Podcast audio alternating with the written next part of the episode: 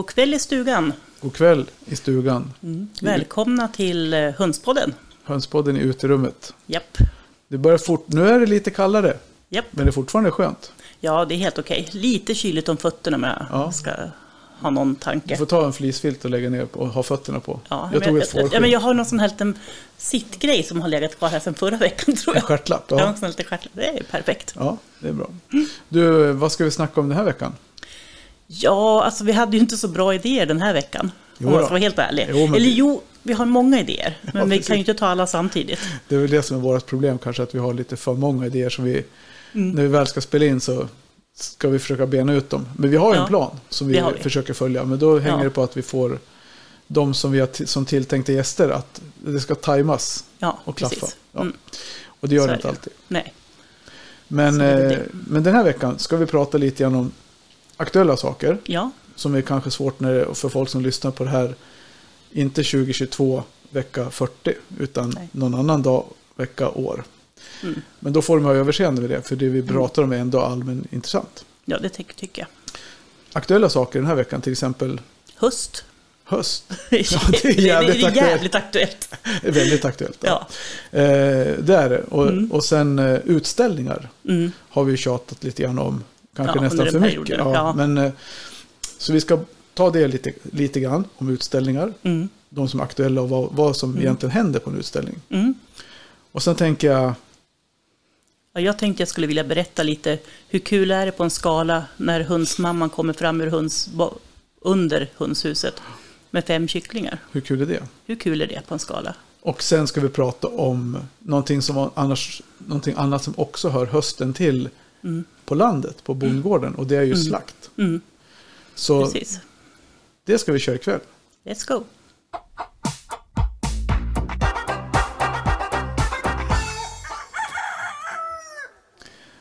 Men då får du börja Helena. Hur kul på en skala är det att det kommer fram en... och Trodde du att hon var försvunnen? Eller vad?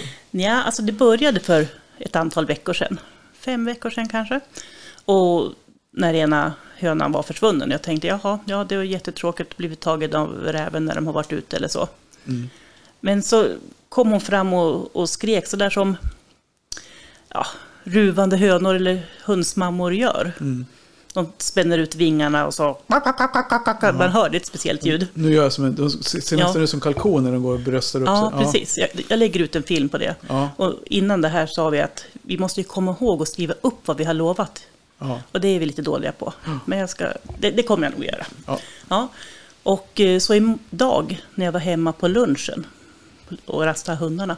Då minsann hör jag det här skrockandet Jaha. och tittar in i hönsgården. Och minsann kommer inte mamma höna med fem små Ja. kycklingar. Hade du sett henne på överhuvudtaget eller hon var helt försvunnen? Nej, jag har sett henne för att hon, alltså, hönshuset ligger i, det är liksom innätat. Ja. Så, hon, jag- så jag har haft koll på att hon har legat under. Så jag har liksom kunnat, jag har inte kunnat nå henne. Men jag har kunnat liksom lysa ner med ficklampan på kvällen så har jag sett att hon har legat och att det har varit ägg där. ja. Men jag trodde ju ändå inte att, ja, att det skulle bli. Och jag visste ju, visste ju definitivt inte när, eftersom hon har legat där några veckor i alla fall. Ja. Och de andra hönorna har ju hjälpsamt nog, som de brukar göra, lagt fler ägg där. Och det är som sagt var, Mm. är det längst in under ett hönshus som är, ja. det är väl två och en halv meter brett i alla fall, så är det svårt. Det där är lite intressant att de gömmer sig så noga. Ja, Alltså för, för jag menar, det blir ju... Det, det underlättar ju inte för dem själva, men så tänker de för, förmodligen Ja. inte. För att de vill Nej. väl inte ha våran hjälp. nej, antagligen inte. Utan de vill ju verkligen vara i fred. Mm. Så liksom, jag blev lite exalterad där hemma på lunchrasten. Mm. Det tog ett par minuter längre än vad det borde göra. Ja, ja men det får det väl Just, i, just idag. Ja. Ja, men jag var ju tvungen att ställa fram lite kycklingmat och, Ja, vak- och, och vak. vatten. Ja. Vak, vård av kyckling. ja, såklart. Det var ingen som hade något emot det. Det Jag jag. visade lite bilder och filmer. Ja. Så, så att, men då kan man fråga sig, hur bra är det på en skala att ha kycklingar så här på hösten? Mm. Egentligen. Frågar du mig? Mm. Jag skulle säga så här att det strider egentligen mot allt vad hönshållning heter. Mm. Alla vi har pratat med som har en lång erfarenhet av höns Mm. och, och föda upp och, och ha, se till att hönsen mår bra. Alla är ju helt eniga om att man kläcker kycklingar på våren för Mm. att de behöver ha ljuset. Och ljuset säger man ju inte att det bara är för det är inte bara för att de ska vara ute på sommaren utan det är ljustimmar för att de ska hinna äta det de ska och växa till sig. Men det har ju även med temperaturen att göra. Mm. Och sen kan man ju naturligtvis göra en artificiell, en arti- artificiell sommar och ha dem gå inomhus med ljus och så. Så Mm. naturligtvis går det ju att ha dem under sommaren. Absolut. Det är inte omöjligt. Nej, det är inte det. Men rent, rent så ekologiskt så är det väl mest lämpligt att ha dem på, På våren. på våren. Mm.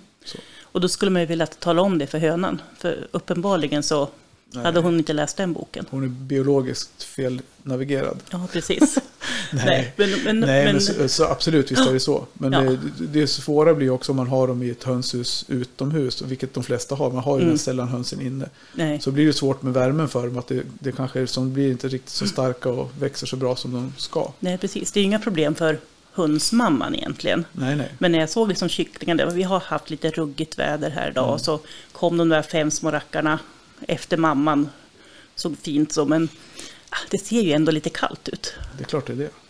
Men, men hon gick in och värmde dem ordentligt sen. Och, och nu Ja. på kvällen innan jag åkte hit så kikade jag till. Så jag kunde liksom se ge- genom en liten springa där att Mm. hon låg där på sina, med sina kycklingar. Ja, vad härligt. Ja, så det är lite mysigt också. Det är klart det är. Även om jag inte Borde.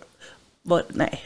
Jag, Ja, hade, man jag, var, jag, jag var lite färdig med kycklingar för i år. ja, precis. Det är ju det man är. Och sen handlar det mycket om också, som nu, ja, när man går mot hösten och som vi, när vi Mm. började med höns för, jag och Tarjan, vi gick med i föreningen. Mm. Eh, jag blev ordförande och he- hela den balutten, det är väl sju, Mm. åtta, nio år sedan. Så pratade vi mycket om det där med hönsmarknader och mar- hö- Mm. hönsbytardagar och sånt. Mm. Och det där har ju vridits om fullständigt Mm. till att man har dem på våren. Ja, Och det är ju så, det har man ju aldrig haft historiskt sett så har ju alltid hönsmarknader, hönsbytardagar. Det har ju varit på hösten. mm. När man har ställt ut djuren och de som man inte vill ha kvar till avel nästa år har man sålt av Mm. på en hönsmarknad eller bytit mot andra på hönsbytardagar. Det är därför Ja. det heter det från början. ja precis. Och sen har det hänt mycket då med att folk ska ha höns i trädgård Mm. och då vill man ha höns på sommaren. Mm. Och då vill man ha höns, ja då vill man köpa höns på våren. Ja. Kycklingar. Ja, precis. Så att jag tänker att det, det är ju en stor, alltså en marknad för höns Ja. på våren. Men vi hade ju våran hönsmarknad här i Augusti. augusti, i Västerås. Och det var ju ändå väldigt välbesökt. Otroligt välbesökt. Mm. Det var ju helt sjukt. Ja, Det var ju nästan som man tänkte att det här är något, det är något lurt bara det här. Det var ju Ja. typ 100, över 100 pers mm, som välde in. Ja. Så det var ju kul. Det var jätteroligt för oss som arrangerade det att det kom så mycket folk. Då. Men verkligen. synd för de som kom att det inte fanns mer djur att köpa. Ja, precis. Men eh, ja, det är, det är som det är. Ja. Men, ja, men det står ju lite grann bakgrunden med det här med, med ja, höns och kycklingar på vår. Och, mm, precis. så. Men jag, ja, och än har jag inte lyckats fånga in dem eftersom ja, jag var tvungen att åka hit ganska snart efter jag kom hem och, Ja. och då hade hönan redan gått och lagt sig till att börja med. Vilken ras var det som fick kycklingar? Eh, Dvärg-Wyandotte och det är rena kycklingar. Det är rena? Ja. Ja. Men då har du ju, ja det kanske Ja. är nästa års vinnare. Det, det kan det vara, man vet aldrig. Jag, alltså, då, jag kommer ju att försöka att avfånga dem så att jag kan ta in Mm. dem och ge dem lite bättre med, med ljus och Ja. ringa dem och sådär. Jag lyckades locka fram henne med majs idag som hon försökte ge sig kycklingarna och de var lite små för det då. Ja, det är de verkligen. Mm. Men jag tänkte då fick jag fram henne så jag fick sett Ja, kycklingarna i alla precis. fall. Härligt. Ja, precis. Så att, Ja, men då har ju du någonting att se fram emot. Ja. Några veckor här nu. nu Ja. Innan de blir fullfjädrade. Och... ja, precis. Ja. Det blir lite bilder. ja, det är klart det blir. Ta in dem och slänga ut Puff och hennes kycklingar. Som inte heller var så planerade. Jag är jätteplanerad avel. Ja, Det är väl skönt att det inte är så alla nej, gånger. nej, men ibland så tycker jag att mina Puff, hon har velat ruva, alltså min silkeshöna, Mm. i flera år och inte haft några kycklingar egentligen. Så Nej, då kunde hon väl få det. absolut. Mm.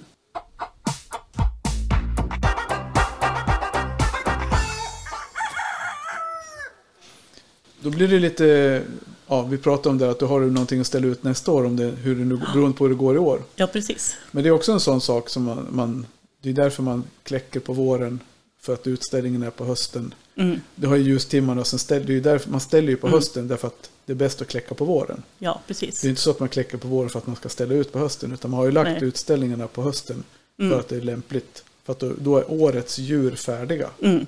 I bästa fall. Ja men de ska ju, alltså precis. Ja. Och då beror det på var man bor någonstans. Mm. Hur mycket Absolut. ljus det är. För det märker vi ju ganska tydligt när vi Mm. pratar med våra söder, sö, sydligare vänner. Ja, som börjar kläcka i ja, mycket senare, alltså säkert en, två månader senare än vad vi gör. Och Mm. Pratar man då med folk som bor norröver så kläcker de Mm. ännu tidigare än vad vi gör. Mm.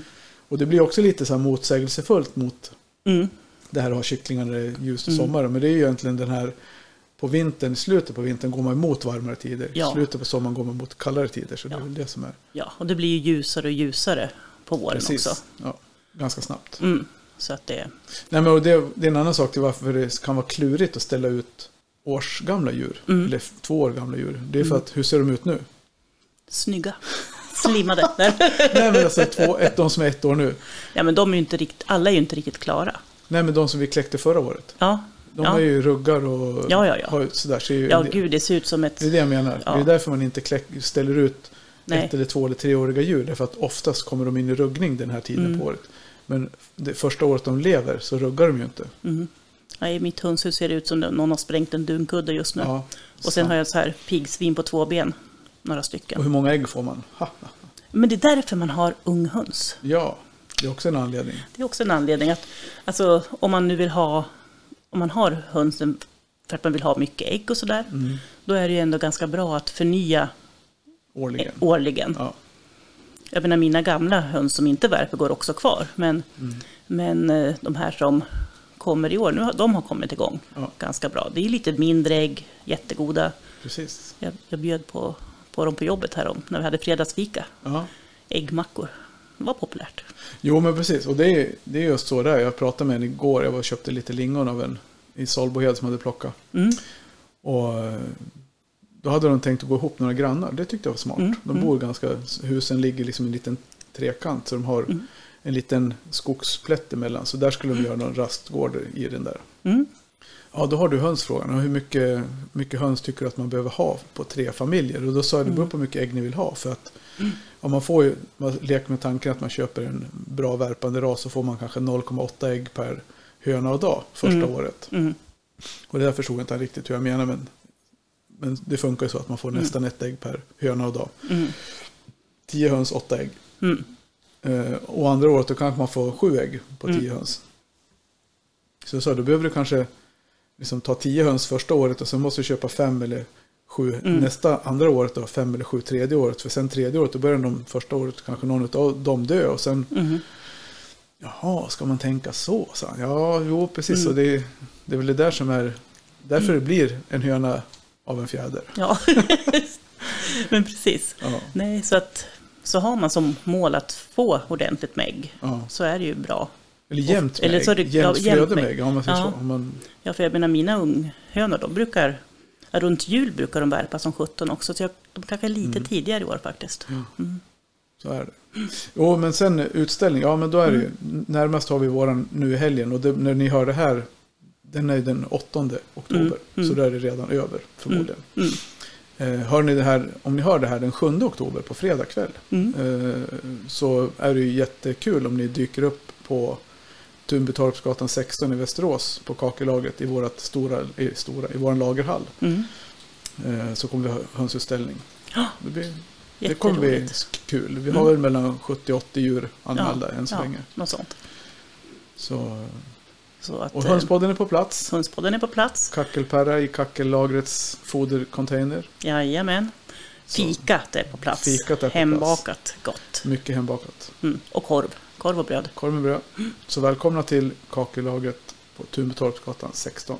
Mm. Klockan 14 Till- lördag den 8. Ja, 14. Så det är bara öppet. 2022. Ja, 2022. Mm. Öppet mellan 14 och 17. Ja. Ja, Mm. sen... eh, Ja, men okej. Nationalen då? Mm. Det är en betydligt större historia Ja, än våran lilla lokala utställningar. lokala utställning. Som vi ändå tycker att det är ganska mycket jobb med den. Det är jättemycket jobb. Och om man då tänker att vi har, har haft runt 100 djur. Mm. På nationalen kan det komma runt 1000 djur. Mm. Tänk är, den matematiken. Ja, det är mycket Hur många burar som behövs. Jag har ju varit med Hur och mycket spån, foder. Jag har ju varit med och, Jag har inte byggt upp, jag har varit med och rivit. Ja. Jag har mycket foder. Två pallar foder, Mm. en pall strö, Mm. Mycket teckningsma- inteckningsmaterial, golvskivor. Så det är en ganska stor apparat. Mm. Så det, det är så. Eh, Men hur funkar, hur funkar nationalutställningen då? Kan du... Mm, alltså den är ju egentligen som en som våran utställning fast mycket större och Jo. därför krävs det också fler dagar. Där går det till så att vi lämnar in djuren och sätts in i sina burar på torsdag kväll. Det finns vissa inlämningstider. Sen under hela fredagen så dömer ja, x antal domare alla de här djuren. Skriver sin... Man kan säga att man dömer ungefär 50 djur per dag. Mm, Eh, en domare, ungefär. mm, Så man kan säga att det, det kan vara... Vissa är snabbare, vissa dömer lite, tar lite mer tid på sig. då, Men säg att det är ungefär där mellan 50 och 60 djur. mm, Ungefär. mm. Så det blir ju att ungefär 20, 17, mellan 15 och 20 domare är på plats och dömer. Ja, precis. Så det blir några stycken. Så allt kring det är en stor logistik. Men sen på eh, lördagen, då släpps publiken in. Ja. Och då, även vi utställare släpps ju in då Mm. och får gå och kika hur det har gått för våra tävlingar. ja, och det är ju alltid lite spännande och roligt. det är alltid så. Mm. Och sen att det även hålls då en prisutdelning. Och Men, är den på, den är på söndagen va? Den är på söndag. Ja. Precis, för att då delas det ut det här Best in Show. Och det är alla 97 poängare Mm. om det, som Det då finns alltid några Best in 97 Show. poäng. Ja. Ja. det brukar finnas några stycken. Vi har pratat några gånger om det där. Och, alltså man säger så här, det finns, ju, det finns ju inget perfekt djur. Nej. Men ett perfekt djur har ju 100 poäng. Mm. Eh, Men eftersom det här, alltså det var någon gymnast för många år sedan som fick 10 poäng, Mm. alltså 10,0 i bedömning. Och hur kan man Mm. få det? Det finns väl ingen som är perfekt då. Så därför har man ju gjort så i hönsvärlden att man har ju sagt att 97, det är ju det perfekta, det bästa vi kan få. Mm. Precis. Och då är det ju alltid, när man gör så man går in med 100 poäng och så letar man fel. Det, det låter lite tråkigt när man Ja. lägger upp det på det viset. Ja, men det blir egentligen så, för man räknar Ja. alltid avdragen. ja. Du får avdrag för att kammen är sned och du får avdrag för att Mm. haklapparna är lite böjda. Så det har vi Mm. pratat om några gånger. Mm. Men då blir det alltid så att man tar alla 97 pengar som Helena säger och, så, så ställer man dem i en, Egen, vid, egen radda. ja, en egen säga. radda framme vid någon form av prisceremoniplats. Ja.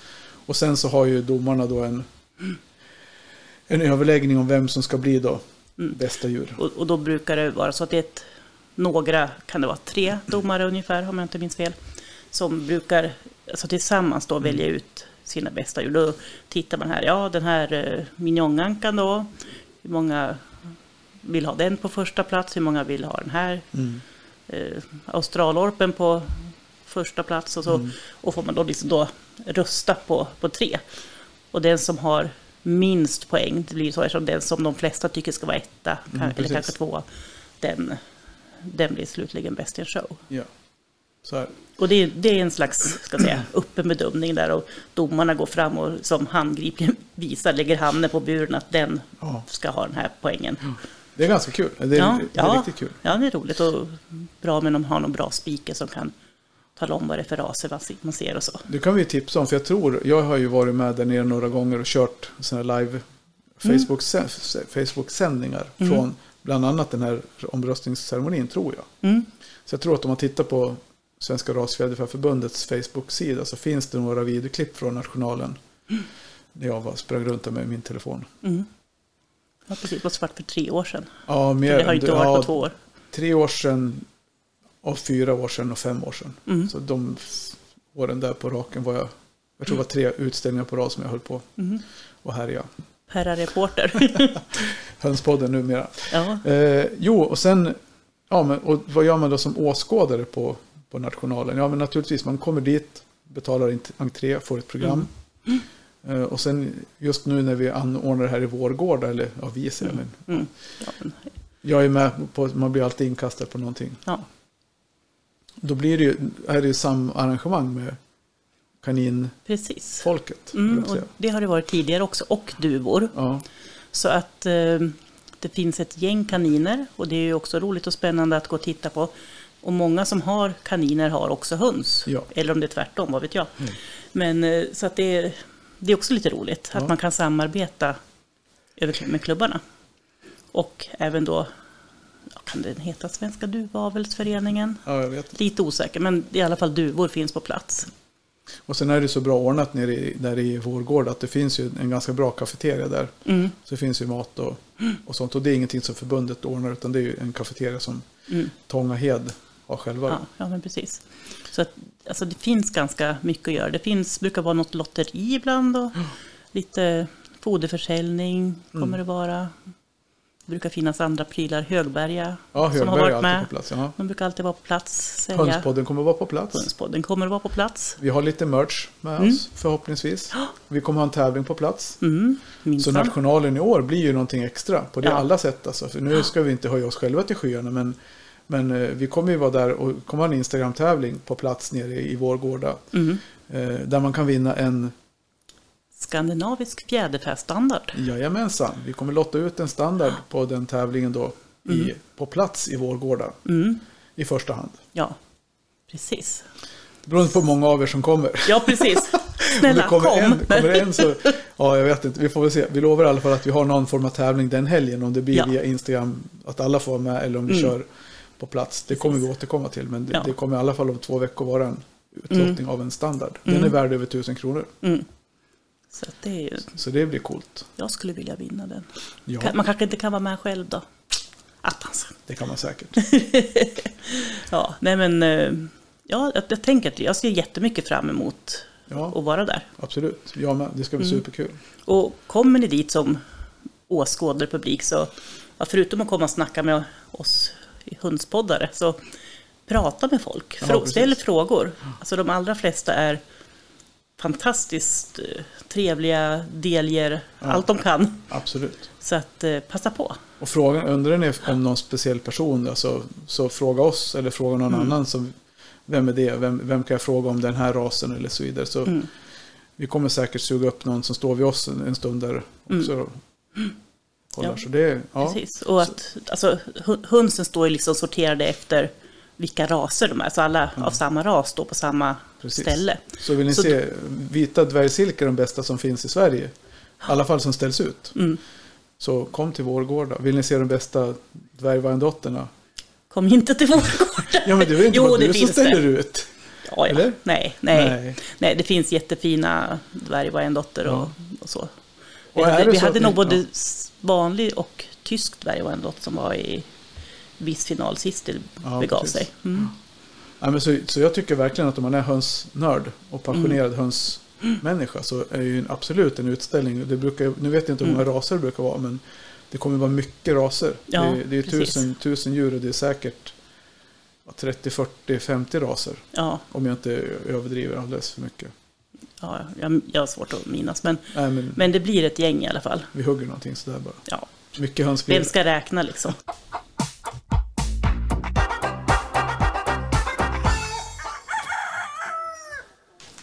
Ja, jag vet inte om ni som lyssnar har tänkt på det men vi har, vi har väl haft en liten annan approach idag. Ja, Eller hur? vi försöker i alla fall. Men hur känns det? Jo, men det känns bra. Ja, Mm. det känns ju ändå som att vi får med allt vi har tänkt. Ja, absolut. Så får ni väl fundera på vad vi menar med det. Ja, precis. Vad ska vi ge för pris till den som listar ut det? Precis. Ja. Ja. Nej. Du, vi hade, sen hade vi en annan fråga Mm. eh, som vi kom på att vi skulle ta ett annat avsnitt. Ja, precis. Men jag tänkte vi Ja, kan vi ändå planerade om Ja, sekund. nej, men Ja. vi sa det att det, så vi inte har för mycket som vi, ja den här kände vi att vi kanske skulle läsa på lite mer om Mm. detaljerna. Vi, vi har ju ett par sådana frågor. Ja, men vi kan ju ta lite snabbt om den och så kan Mm. vi återkomma om detaljerna. Precis. Vi pratar om gödsel. Mm. Alltså Gö- hönsskiter mycket. Ja, hönsskiter mycket. Eh, Gödsel, vad gör man med det? Och Mm. hur ska man förvara det? Mm. Och vad kan man göra med det när det är, Precis. när det är klart? Ja, vad kan man göra för bra saker med det? Ja. Och har man inte möjlighet att göra bra saker med det, vad, vad kan man göra av det då? Alltså vad är korrekt? Och svaren på de frågorna det är ju, beror ju på hur många höns har du? Precis. Och jag vet att vi har pratat tidigare om vilken typ av strö du har kan också påverka hur, hur du hanterar ditt gödsel. Ja. Absolut. Så att, men det vi vill kika lite närmare på det är vilka regler gäller. Och jag vet att Ja. det alltså, ja, typ Jordbruksverket eller så tänker vi ha koll på sånt. Länsstyrelsen. Mm. För det, är det. det handlar väl om hur många höns man har, hur stor hög det blir och vart Ja. den ligger någonstans. Mm. Men jag tänker så här, en enkel fråga att svara på vad man kan göra med det. Mm. Egentligen så är det väl så, om du är beroende på vad du har för strö, och det är väl det helt avgörande tycker jag. Mm. Eh, jobbar man med pellets av halm och eller Mm. flisad halm eller alltså halmströ. Ja, då kan man ju mer eller mindre bara lägga det alltså, i en liten hög eller en liten hink någonstans eller en balja. Mm. Vatt- Hålla det lite fuktigt en stund så det inte börjar bli ruttna så. Men alltså, så då förmultnar det där väldigt snabbt. Mm. Då kan du i princip blanda upp det med jord Mm. Ganska snart. året efter, ett halvår Ja. senare. Ja. Använder man spån, alltså Mm. kutterspån eller sågspån. Mm. Vi slutade med det ganska snabbt när vi hade hästar därför att det blev en otroligt frän, alltså stickande doft av det här Mm. urinet ihop med, nu har Mm. inte höns så mycket urin på det sättet men min känsla är att det blir ingen bra kompost av det. Nej, alltså det, det är ju trä. Och, Ja. Men det tar ju mycket längre tid än för de här olika ska säga, halmprodukterna Precis. att eh, förmultna och, och bli bra Göd- användbar jord Då får, egentligen. man, då får man samla en större hög och då kanske man där stöter på patrull med hur mycket Mm. man får lagra. Ja, precis. För det handlar ju om liksom att det ska vara på ett miljösäkert vis Ja. bland annat. Så, så, så ja. Och vad gör man med det sen då? Så jag, vi, jag lägger mitt, jag har pallkrage. Mm. Eh, Och det, det kan du absolut göra om du har en pallkrage med, med någon sån här ventilerad duk eller något som är i plast eller någonting eller Mm. fiber. Så kan du absolut lägga det där. För då behöver du inte bry dig om hur mycket du har eller hur länge du har det. Nej, För då ligger du inte i mark, kontakt med marken och kan rinna ner och förgifta något grundvatten eller, Mm. eller någonting. Och så kan man vända runt det där lite grann. ja, Och det är precis. fantastisk gödning. Mm. Och sen, sen kan det också vara så att om man, ja torv tänkte jag komma på, är också en sån som Absolut. är lätt att Ja. hantera och bra. Men det skulle komma till att många har ju också bajsbrädor under sittpinnarna. Ja. Och där blir det ju oftast rent bajs, eller om man har Mm. lite strö på. Det, det finns ju lite olika, några har sand. Men därifrån är det lätt att ta Precis. bara, bara skiten. Och låt den torka, sen är det bara att mosa sönder den och strö ut den där Mm. ni vill ha den. Rör ut den i lite vatten till vattning. Ja. Akt, ja, ja, ja, Har du men- gjort det någon gång? Nej. Nej. Jag har gjort det. Har jag, har jag en jag- trädgård som är värd namnet? Nej. Nej, jag har gjort det. Mm. Jag hade en hink Mm. jag hade la höns skit i och så fyllde upp med vatten. Ja, Det ska man inte göra. nej. Fy fan vad det luktar Du lät det stå liksom? Ja, ja, så det skulle Mm. suga ur och bli riktigt Mm. så här. Jag var ju så här, det får stå och gotta till sig så det blir mycket näring i det här vattnet. Ja, ja. Det luktar inte så fräscht. Nej. Det blir lite så äckligt, ja, Mm, konsistens, lite oljig så här slit. Mm, Ja. mm. Ja, men alltså om man har varit i ett stall och sett en dynghög där, då kan man också se, för där är det, har man ju en sån här cementplatta under, när man har lite fler hästar i alla fall. Jag, jag är inte ex- exakt säker på reglerna där, men de stallen jag har varit i har Ja. cementplatta. Och där ser man ju just det här oljiga vattnet som kan ligga lite. Jag tror det kallas för lakvatten. Mm. Det som lakas ur från. Ja, Just, det. det är äckligt, men det är bra näring i det. jättebra, det absolut. man ska, och, hönsgödsel ska man använda långtidsverkande, så det ska man använda nu Mm. på hösten. Och kogödsel ska man använda på våren, Mm. brunnen kogödsel. Ja. Och jag, har jag lärt mig. Ja. Så har ni torkad hönsskit nu och vill jordförbättra så i med det nu i, över Mm. vintern så får ligga och dra, dra över vintern. Ja.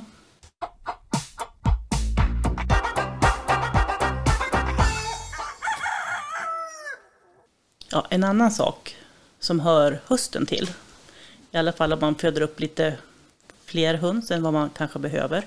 Om man har grisar och kor. Mm. Ja men förr var det så. Ja, förr var det så. Ja. Ja. men alltså att, att det handlar om slakt. Och det är ju för att det är säsong. Man hade ju inte råd att föda en massa, ska säga, inom parentes, citationstecken, eh, onödiga djur under vintern. Nej. Och det, och med dagens foderpriser så känns det som att det gäller även idag. Precis. Ja, och sen var det väl mycket att man, man tog fram djuren på våren och sen födde man upp dem till vintern så slaktade man dem för att få För att få maten. Ja. maten till vintern. Ja. Så det var, det var ju så. Och nu har vi ju kanske inte riktigt det behovet själva. Men man kan ju tycka att man har, ja hur cyniskt det än låter, men om man föder upp djur till utställning som man inte ska ställa ut eller som inte duger till det man Mm. har tänkt dem till och man inte kan sälja dem eller Nej. på något annat sätt ja, göra sig av med dem eller behålla dem. Mm. Så finns det ju inga andra alternativ än att ta bort dem och ja, äta dem eller ge bort dem till någon som vill äta dem. Eller, Mm. ja, vi har ju gett till någon som har vildfågelutfodring, Mm. rovfågelsutfodring. Mm. Det var då det kom en örn hit. Ja, just det. Så det har vi slutat med. De fick inga, de fick inga höns i år. Nej. Min mamma är hon är ju expert på det där. Hon, är ju, Mm. hon kommer hit och tar silkestupparna för vi, är, vi har ju svårt, eller ja, vi äter inte gärna silke. De har, så mörk, de har ju så mörkt kött. Och, Mm. och, så har det inte blivit att vi äter så mycket silkestuppar. Nej. Men semanierna då? Ja, men de har ju lite gråsvart också så här. Så de Ja. äter vi ju. De är de är? Ja, Ja. Jag tänkte att, ja, för de är också väldigt mörka i, Ja. i köttet. ja, framförallt i skelettet är de ju mörka. Ja. Våra. De har ju helt svart. Det ser man ju då. Det är det som är bra. Mm. Det är det som är synd. När man slår ihjäl en tupp och så öppnar man upp den så helsike, han var helt kolsvart i skelettet. Ja. Den här skulle vi ha behållit. Ja, ja, Men vi har, man har ju för mycket djur så det blir ju ja, det, blir, så- det är lyxmat. ja, ja, men precis. Nej men som sagt, så, och då blir det ju slakt. Och Mm. det, Men hur gör man det egentligen? Alltså jag är ju gör- inte, jag är inte så bra på det. nej, och det där är ju... Jag kan ju tycka det är lite otäckt. Alltså vi har ju Mm. sagt förut, och det har vi jag, och det har vi inte gjort, men det ska vi göra. Mm, Vi lovade att vi skulle antingen ta bilder, mm, det kanske är bäst, än att filma. ja, ja, Eh, hur jag gör när jag Ja. tar bort djuren. Då. just det. Och eh, alltså jag, jag är fortfarande förorden yxa. Eh, därför att jag tycker om man en vass yxa så har det lite tyngd i den. mm, Eh, så så liksom man hugger av huvudet enkelt. mm. Jag vet, machete har jag sett. Och, Ja, för jag ställde den frågan till dig här om veckan när vi bara pratade. ja, Ja, då är den så pass, den är ganska lätt. Det är Ja. fördelen med den att det är ett långt blad. precis. Det var det jag for lite efter. Men å andra sidan så har du ju, så det spelar ingen roll om du hugger en eller två gånger för har du väl träffat halsen så är djuret i alla fall dött. Ja. Ja, det är ju bedövat innan. Det är ju liksom... Och bedövning är ju också så här, det är ju för att, jag vet inte vad, man får ju inte hugga huvudet av dem medan de lever. Nej. Det är ju olagligt. Ja. Eh, sen kan man ju diskutera om vad som är roligast för, en, för ett djur att få en smäll i huvudet så de blir helt koko och sen få huvudet Mm. avhugget. Mm, Än om de får hu- huvudet avhugget och inte vara koko. Mm. Alltså det, är- det, ja. Jag vet inte, jag tycker att det blir lite... Jo, men jag, Ja. tror, jag tror att man har mätt liksom det här medvetandegraden. Och, det, och, och det handlar inte om mycket tid. Nej. Men dock så är det det man har eh, varit ute efter. Mm. Ja. Att man har de reglerna. Jo, Här i Sverige i alla fall. Absolut. Mm. Nej men så, så är det. Och jag menar, rent krasst så är det väl så här, bedöva, det kan man göra på många sätt. Ja, Man, man, många pratar om att man svingar dem i en Mm. båge liksom som en karusell. mm, Och det tycker jag blir, det har aldrig, jag har provat det någon gång, jag tycker aldrig det funkar något bra. För jag tycker inte de, de får svinga så himla mycket hårt innan de är, och då blir det för lång mm, grej liksom. Nej. Konst- Det blir för lång metod. ja, Eh, Det som funkar bäst för mig det är att man bara tar dem i fötterna och sen slår dem i någonting. Mm. När man svingar dem framåt så sträcks de ut och så har man en sten eller en, en huggkubbe eller en träkubbe eller, mm, eller någonting. Eh, Är man osäker på om man träffar, ja då gör man min andra metod som jag använder ibland. mm, mm. Så håller man ju djuret, jag brukar hålla dem under armen, nu visar jag mig. Ja, precis. Så ni ser. Ja, precis. Så att, ja. Och vad gör du då? då? Ja, men jag tar dem under armen så här. Så. Mm. Och sen har jag en pinne. Mm, Eh, och jag har tagit en, en trägren som inte jag kan vara 20 cm lång mm, eh, och en, inte så allt för grov. nej. Håller dem under armen och sen slår jag med huvudet snabbt.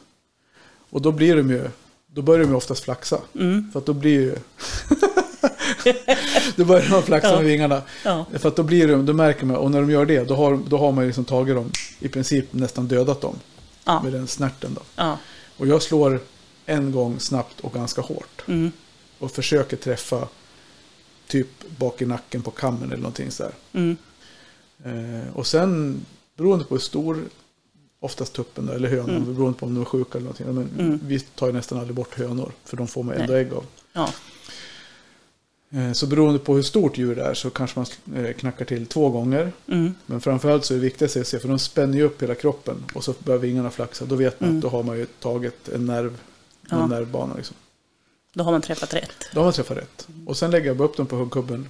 Mm, Huvudet så det ligger liksom, så man ser att halsen sträcks ut. mm, Och sen, stopp, mm, yxan. mm, Och då får man se så att det liksom, sen kan det ju vara så att i det läget kan de börja flaxa ganska mycket. mm, Beroende på Mm. eh, hur mycket de har flaxat innan de har fått smällen i huvudet. Så där är det ju lite beroende på vad man ska göra med dem efteråt tycker jag. mm, Eh, så, för ska man liksom inte ta vara på dem, då spelar det ingen större roll om de flaxar så blodet stänker. För det är det det gör. Det börjar Mm. rinna blod i halsen och så flaxar Mm. med vingarna. Då, det är blod överallt. ja, Eh, så man kan ju ha en, vissa har en, en tratt mm, eller en vägkona eller någon som, mm, eh, vissa använder en jag brukar kunna ha två stubbar som står mot varandra. Så bara håller jag fast dem mot, mot stubben så att de inte flaxar. Eller ibland så Mm. har jag en hink som jag trycker ner dem i bara. Eller, Mm. sätter, eller sätter ner dem i med huvudet för, eller halsen först. Mm. Så ja, man får ju man får ju lära sig helt enkelt. Ja, Eller prova sig fram helt Mm. enkelt. Ja, det kan ju vara bra att be någon om, om hjälp att guida en om man är ovan. Precis. Det, det jag har tänkt att du ska få hjälpa mig någon gång så jag får men lära precis, mig. Mm. Absolut. Jo, men för det, det som är det, det otäcka är väl det här när det blir... Alltså när de börjar flaxa. För Mm. många tror att de lever. Alltså, att, men det är ju det. Det blir ju som en... Dödsryckningarna är ju samma sak efteråt. De ligger ju sen när man huggit av huvudet. Och det är därför jag väljer att alltid ta bort huvudet. Mm. Därför att då vet jag att då lever de inte. Nej, Hur mycket de än rör sig. nej, För, för hugger man inte av huvudet så finns det ju alltid en teoretisk chans att man inte lyckas så att de dör. Utan att de lever under en stund. Och det är ju liksom, vill man Nej. inte riskera. nej. Och sen är vissa pratar om att de krossar huvudet på dem. Och det, för mig så är det helt, Ja, Det Det, helt det uteslutet. låter väldigt brutalt. det låter det är makabert och det på något vis så blir det, det blir för brutalt. Och jag tycker inte det är värdigt heller Nej, på det sättet. Utan man tycker att någonstans att, ja, det är ju Mm. ändå en, det är ändå en avlivning och inte Ja. liksom en avrättning. nej, Så det, det, det, där, där går gränsen för mig i alla fall. Det skulle jag inte klara av heller. Och det blir ju också så här. Det blir för. Alltså det blir så kladdigt och det blir äckligt Ja. på något vis tycker jag. Mm. Däremot så, vi- har ju pratat om SVA och att skicka in sjuka djur dit. Ja, Och det är kanske en annan typ av avlivning. avlivning Ja, i och med att de ofta ville ha med huvudet. Mm. Och då får man ju, har de ju, ja, har förstått det hela, att man liksom skär, snittar halsen av Det kan vi dem. alltså, absolut. Och det har jag gjort ganska många gånger när man ibland ska ta reda på djuret på ett annat sätt. Om man behöver ta framförallt kammen. Mm, Eh, om man ska, eller nacken, om man ska ta upp nacken till någon som ska göra flugor till exempel. mm. Då måste man ju, Fiskeflugor alltså. Fiskeflugor, ja, Mm, precis. mm. Då, då, det är ju ganska, egentligen ganska enkelt. Då har man istället har man en väldigt vass kniv. Mm, Och sen då så bedövar man dem som vanligt. mm, Och sen får man ju då på något vis hålla dem. Jag brukar liksom likadant där hålla dem lite under armen. Och sen sträcka ut halsen mot en huggkubbe. Och så sticker man kniven precis under hakan. mm. Under haklapparna. Ja, Där. Och så skär man liksom in där. ja, Nu tar hon fram kameran igen. ja, Hur ska jag göra? Vad ska jag göra? Här. halsen. ja, Usch, Makabert. det är lite makabert. Det är därför Ja, vi... men man pratar så naturligt om det för att man har gjort det så många gånger. Så att det är ju... Men ändå så tycker jag för mig, och det här har jag sä- säkert sagt någon gång tidigare, så ni får väl spola fram. Ha överseende. Jag överseende? Nej, men alltså, jag, försöker, jag tycker, jag finner inget som helst nöje i det. Nej. Jag tycker det är nästan åt andra hållet att det är, det är tråkigt. Det är inget kul, Mm. absolut Nej. inte på något vis. Utan det, jag vill ändå försöka göra det med någon form av värdighet. Och då känner man också att jag tar alltid lugnt med djuren. Ja, Jag tar en i taget. Jag tar Mm. aldrig två. För då blir det alltid så här, ja, men om jag en i varje hand, hur ska jag, mm. och någon får ligga och sprattla i, och du vet, hur ska man Nej. göra det på ett värdigt sätt? Utan då, jag tar alltid en i taget. Och jag tar alltid ut dem så att de liksom sitter lugnt. Sen skriker de ibland och det gör de för att de Ja. blir skilda från sina kompisar. ja, Men de förstår inte riktigt vad som ska hända. nej. Så, så det är ja, ett nödvändigt ont får jag lov att säga. Mm.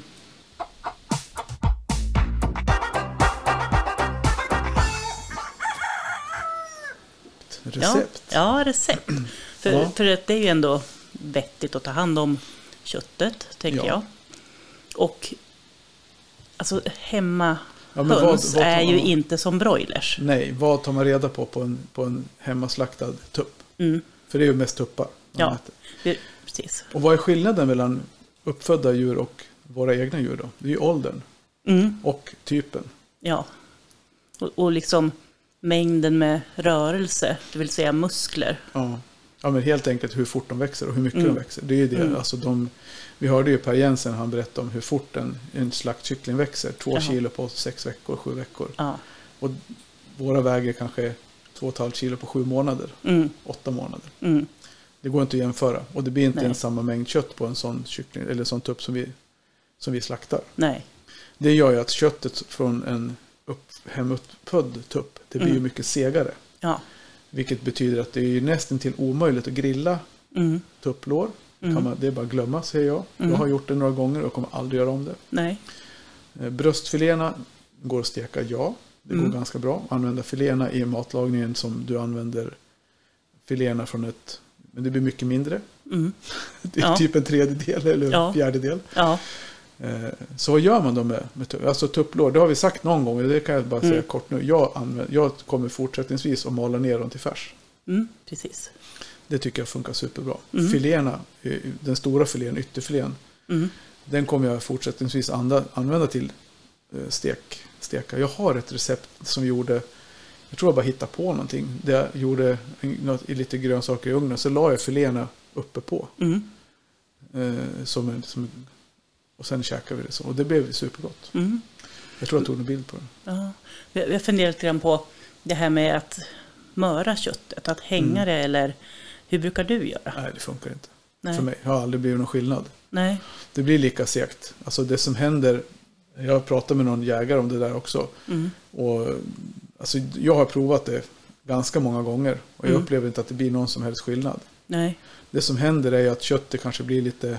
Alltså just det här med att grilla låren, det blir ingen skillnad. Det enda som händer är att det blir ju... Filéerna blir mjukare. Mm. Men jag tycker inte, upplever inte att det blir liksom mörare inom citationstecken på det Nej. sättet. Nej.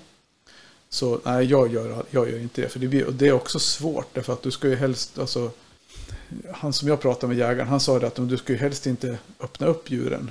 Nej. För att minimera risken för liksom, äh, flugorna går i. Mm. Nej, för jag har förstått att liksom viltfågel, alltså vilt skjuten fågel, Ja, alltså de hänger man ju alltså, som Ja. de är, alltså hela. ja precis. Och det har ju med det att göra då, tänker Ja, men jag. precis. Och, det, och då har du skinnet kvar. Och när du hänger ett, en nöt eller någonting annat, då Mm. flår, de flår ju. Mm. Och så får de hänga. Mm. Och då Så- har man ju ofta stora alltså, kylutrymmen och Ja, nej, så låt, låt dem vara. Alltså slå ihjäl dem, eh, avliva dem, mm, slakta dem. slå ihjäl dem. Ja. Eh, och sen då, för att det går ju naturligtvis att ta ur dem Mm. och koka dem hela. Som man gjorde när man var liten, kokt höns med Mm. currysås. ja, gott ändå. Och det, varför jag inte gör det, därför att jag ju- tycker att det är, när man ska ta ur det sista, man ska skära av gumpen och ta ur Mm. inälvspaketet och skära Mm. av där. Då flår man ju och sen så Mm. skär man av. Så finns det alltid en risk att man skär hål i tarmen när det kommer ut skit ur. Ja. Och kommer det på köttet så jag pratade med någon annan. Hon bara, nej men det är bara att skölja av. Ja det Mhm. gör man ju. Man sköljer av såklart. Mm, mm. Men jag är lite sådär, ja, där, det vill jag undvika. Så jag har ju flott ganska många gånger. Mm. Och det tar ju så otroligt mycket längre tid. Ja. Man kan ju plocka dem också. Ja. Men det är fortfarande när du tar ur dem så måste du fortfarande skära av gumpen för att få den. För, att få ut tarmarna. Ja. Mm. ja men det, kloaken sitter ihop Ja. Ja. i, uppe i där stjärtfjädrarna. Ja. Den gumpbiten där. Ja. Den måste man ju liksom skära av. Mm. Så ja, så vill man göra det så det kan vi nog hitta. Kanske få Sandra att hjälpa till med lite tips. För hon har säkert Mm. en bra film på det. Om Mm. vi kommer till det. Vi skulle köra lite mer om, om slakt och bilder och sånt. Så vi kommer att prata mer om det. För jag tycker ändå att det är Mm. mycket diskussioner och frågor om just slakt. Ja, jo, men det är lite grann ett känsligt ämne kan det ju vara. Jag menar, idag har man ju inte bara höns som eh, vad ska jag, bruksdjur. Nej, Eller så. Många har ju dem mer till sällskap. absolut. Och, och det blir ju lite mer att man Ja, jämställer dem med, Ja. med husdjur. Om, om ni förstår lite skillnaden där Ja. mellan produktionsdjur, som ju Mm. höns räknas till hos Jordbruksverket i alla fall, Ja. och sällskapsdjur. Jo, precis. Men det, då är det ju hönorna vi pratar om. Mm. Så är det. Och jag skulle säga, vi, om en djur, en, de vi, djuren vi avlivar för att äta så att säga. Mm. Eller som vi äter, det är ju tupparna. Ja. Eller om det är någon höna som kanske skadar sig. Mm.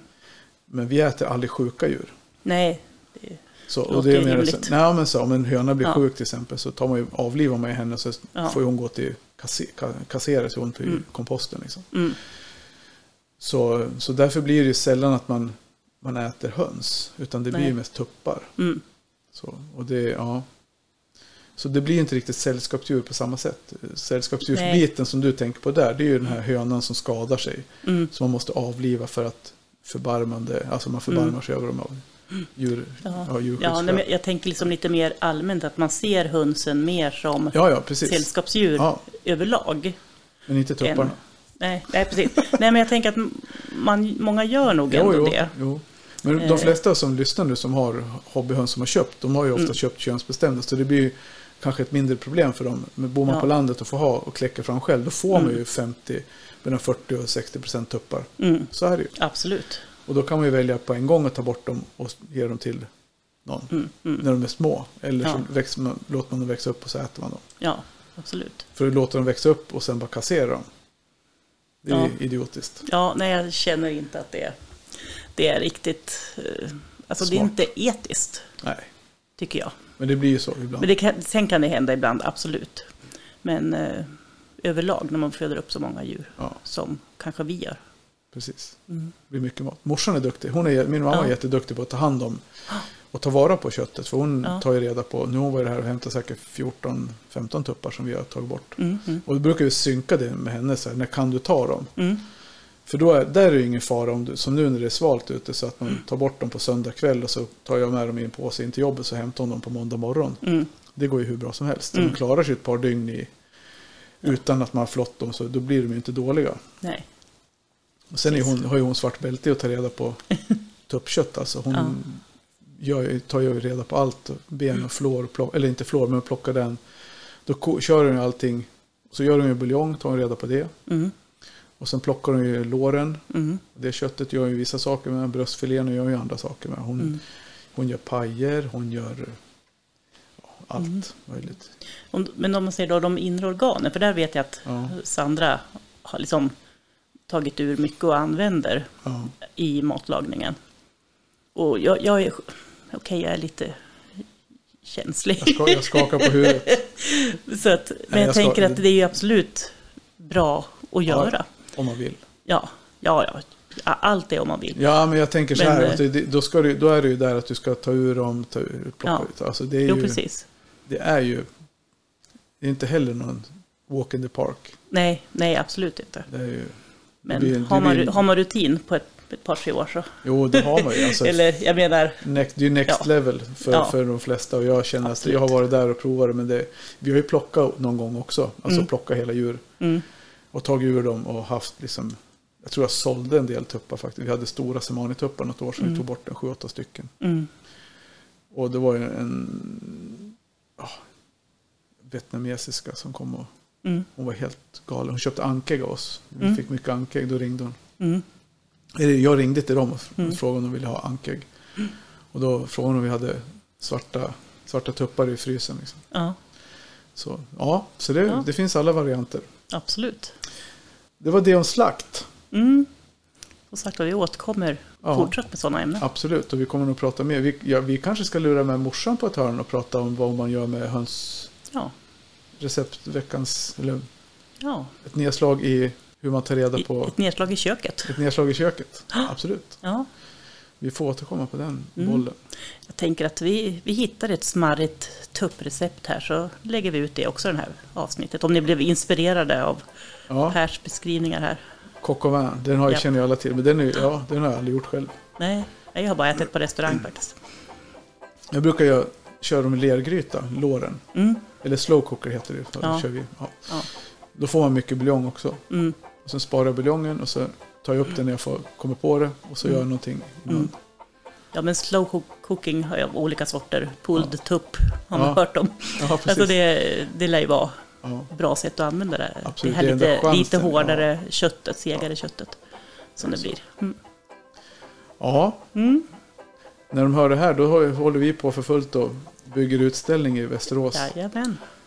Jag ser fram emot det. Det är så kul framförallt att träffa Ja. folk. Ja, kommer ni så har vi ju Trollpungen med oss. Japp. Så den kommer få jobba under det jag hinner med nu. För vi ska ju förmodligen sälja lite foder och grejer med. Ja.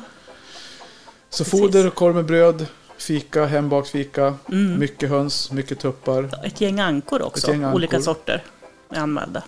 Saludjur. Ja, saludjur. Domare från Värmland. Japp, trevligt. Drop in om man föranmäler. Ja, precis. Eller inte. det kan vi ta, ta emot någon, Det går några säkert. till. Ja. Det, vi löser det.